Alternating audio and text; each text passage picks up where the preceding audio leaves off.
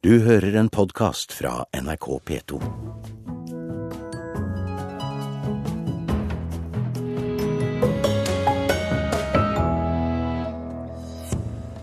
Myanmar har åpnet for den frie presse. Fire privateide burmesiske aviser kom på gaten i går. Og sosiale medier spås å bli viktige i valgkampen, men mange politikere vet ikke hvordan de skal bruke dem. Kulturnytt får du altså i dag med Birger Kolsrud Aasund i studio. Mer enn halvparten av norske kommuner har en kultursjef som også er ansvarlig for andre områder, som vei og kloakk. Mange kommuner har også fjernet kultursjefen helt. Styreleder i Kulturforbundet, Lena Hillestad, sier til Aftenposten at dette viser hvor lite tyngde kulturfeltet har i kommunene. Tall fra Norsk senter for bygdeforskning viser imidlertid at kulturfeltet blir likedan behandlet i kommunene enten feltet har en egen sjef eller ikke. Verdens første nettside for salg av brukt digital musikk er ulovlig. Det slår en føderal domstol i USA fast. Retten mener kopiering av filer ikke kan kvalifisere til betegnelsen brukt, og at det dermed er et brudd på opphavsretten. Det er plateselskapet Capital Records som saksøkte redigi.com for å selge ulovlig kopiert musikk.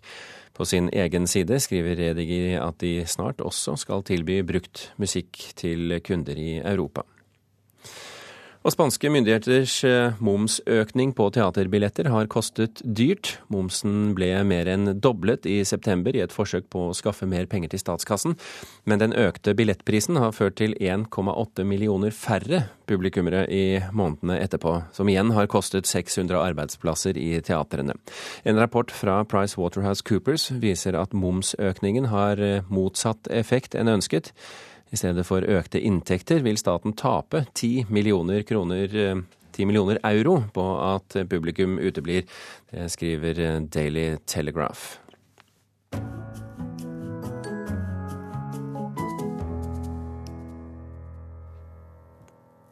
Veien mot demokrati går sin stille gang i Myanmar, også kjent som Burma. I går kom de første privateide avisene for salg etter 50 år med statlig avismonopol. Audun Ågerud, daglig leder i Burma-komiteen. Var gårsdagen i så måte en viktig dag? Eh, det var en viktig dag. Det er klart at eh, det er første gang man har dagsaviser som, som er privateide. Man har i lengre tid hatt eh, privateide ukesaviser og magasiner, men det er klart dette er veldig viktig og et viktig skritt for en, en videre åpning av Burma på pressesiden. Men rent for, bortsett fra forskjellen på antall utgivelser i uken, hva er forskjellen på ukeaviser og dagsaviser? Nei, det er bare frekvensen på når den kommer ut. Eh, men, men, hvorfor var det ene forbudt og det andre ikke? Ja, Det kan du spørre om. Altså, dette har vært en gradvis prosess. Altså, man har hatt, eh, Myndighetene har hatt kontroll på dagsavisene eh, frem til i går. Frem, fra og med i går så har altså privateide muligheten til også oftere påvirke opinionen i Burma, og det er positivt. Nå var det, det, altså det er tilløp til flere aviser. Nå var det fire som kom i salg. Hva betyr de fire? Nei, altså det, hva skal si, det er 16 aviser som har fått lisens til å, til å drive dagsavis. Eh, fire av de kom på gata i går. Eh, de fleste av de hadde gratisutgaver eh, i går, og også noen dager til. Eh, så det er klart at eh, De fire avisene utgjør en viktig bidrag til å gjøre mediebildet bredere. og altså At man har flere demokratisk orienterte medieaktører. Men de fleste av de fire er altså myndighetsaviser, så det er ikke, det er ikke den helt store jubeldagen, selv om det er grunn til å, til å smile litt. Men når du sier myndighetsaviser, eh, er det staten som eier dem, eller er det eller krefter som har tilknytning til staten? Ja, altså USDP, som er det promilitære partiet, er eh, bl.a. en av de som står bak én av avisene. Men, eh, men, det er mange av de 16 avisene som, som er privateide. Noen av de er eid av eh, næringsledere som har veldig tette bånd til myndighetene. Andre er eh, reelt selvstendige, eh, uavhengige aviser. Og noen av de er til og med etniske aviser, som er veldig viktig at, at man får en, en, større pressefrihet i de etniske minoritetsområdene. Vi, vi kommer tilbake til det etterpå, men, men, først, hvilken betydning kan disse, og la oss nå si at alle 16 kommer ut da, eh, med tid og stunder, hvilken betydning kan de få i et land som eh, Myanmar? Altså, Pressefrihet er eh, en grunnleggende eh, bestanddel i et demokrati. Og at man får et bredere mediefelt er, er helt elementært eh, for en videre positiv utvikling. Så det er klart det er, det er veldig, veldig viktig. Um, og så må man på en måte ta ting skritt for skritt. Altså Man har nå rykket 23 plasser opp på denne pressefrihetsindeksen. Uh, man var på 174.-plass av 179 mulige, og er nå på 151. Så det er klart det er, det er noen plasser opp, men det er allikevel ganske langt igjen før man har eh, reell pressefrihet og, og et fritt mediefelt i Burma. Men nå er den såkalte sensurkomiteen borte. Hvilken betydning for det? Det er klart det har vært veldig stor betydning. Den falt i august i fjor. Eh, og Det betyr at eh, man ikke trenger å få forhåndssensurert sakene sine, noe som også er en forutsetning for, eh, for dagspresset å kunne operere, at man ikke må gå via en sensurkomité. Ehm, så det, så det, har vært veldig viktig. Eh, presten kan i dag operere forholdsvis fritt, selv om man har eh, sanksjonsmuligheter fra myndighetens side på veldig mange andre områder, eh, selv om sensuren har falt. Du snakket om dette med etniske grupperinger som får sin egen avis. Det er jo også et potensial for sekterisk vold og, og konflikter her. Hvilken rolle vil disse avisene spille i så måte?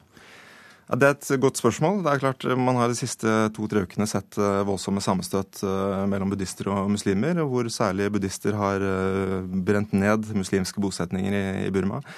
Og Det er klart det er farlig hvis man får en, en krigshissing her fra medienes side. Jeg tror ikke det kommer til å skje.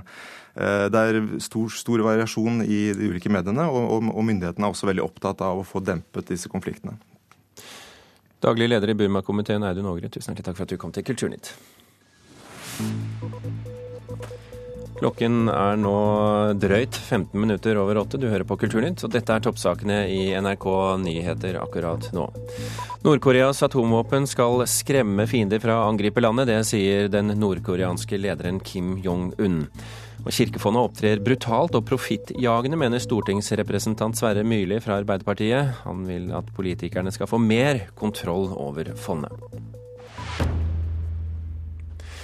Til høsten er det valgkamp igjen, og sosiale medier spås nok en gang å skulle spille en viktig rolle, men ikke alle politikere mestrer bruken av Twitter og Facebook.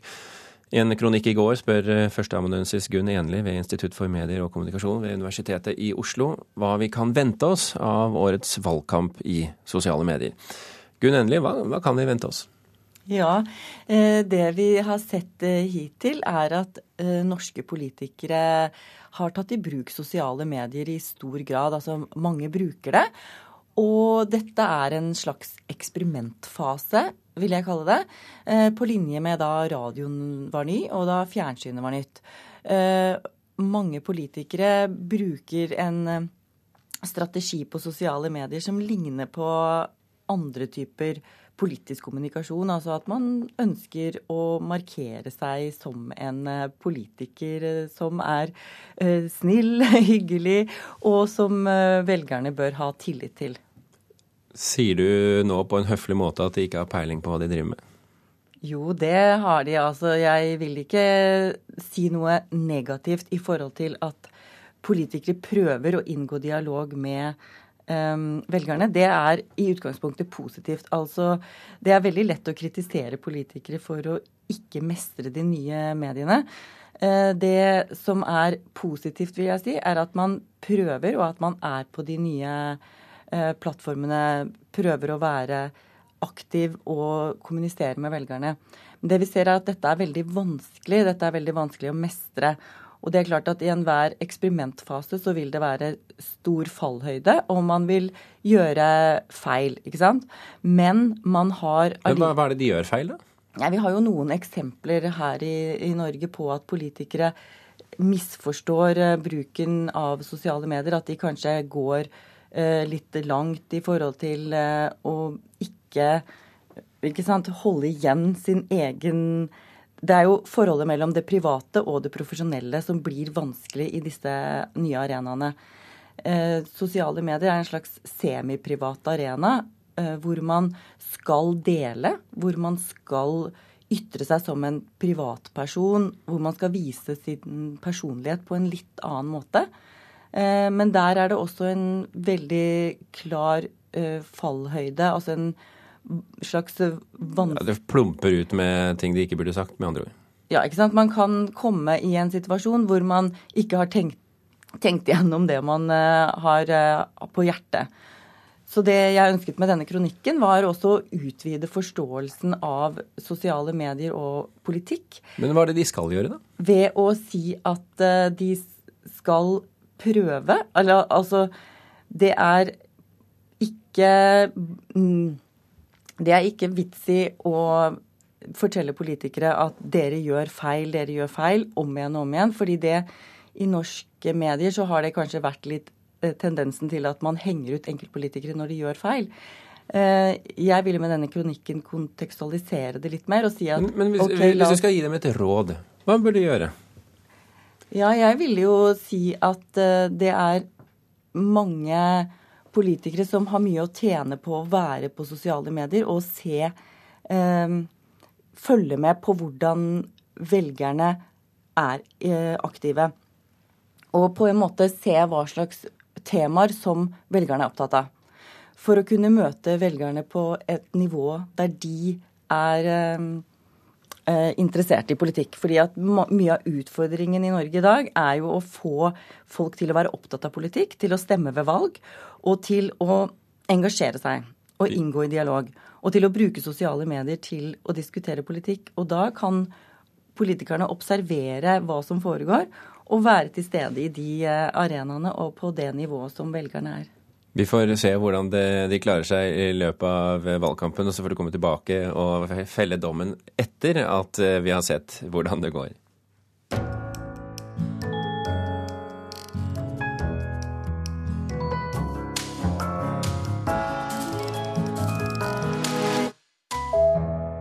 For de siste årene så har det jo vært flere forsøk på å få opp interessen for realfag her i Norge. I New York har flere offentlige skoler nå tatt i bruk hiphop i undervisningen for å skape interesse. Niende klasse ved Park East High School i New York har seksualundervisning. Og som en del av undervisninga må elevene skrive rim og rappe.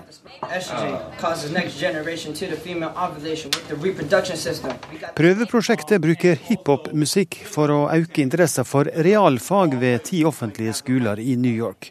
Prosjektet ble starta av dr. Chris Emdin fra Columbia University. Han så at mange hiphop-fans var skoleleie. You have to find out what geometrical is. The people who most embrace hip hop culture are the same populations that are most disinterested in schools and disinterested in science. MDIN ville derfor finne nye måter å engasjere minoritetselever på.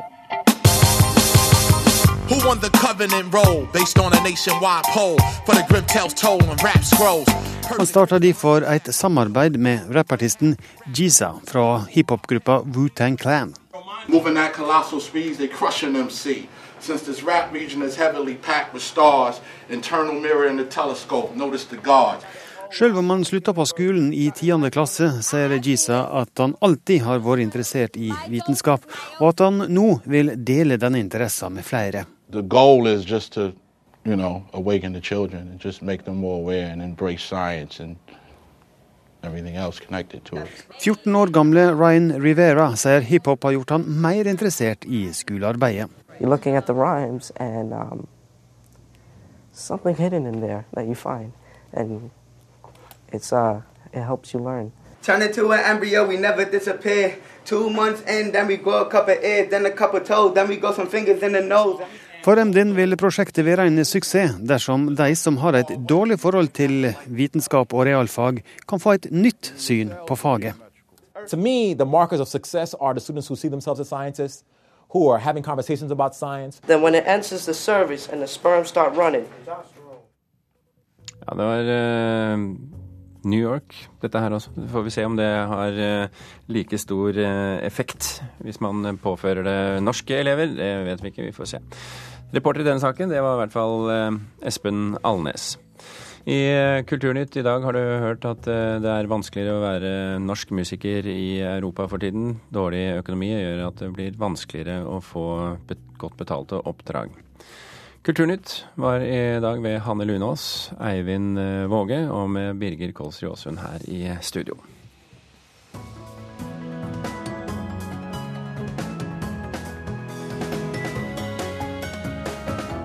Du har hørt en podkast fra NRK P2.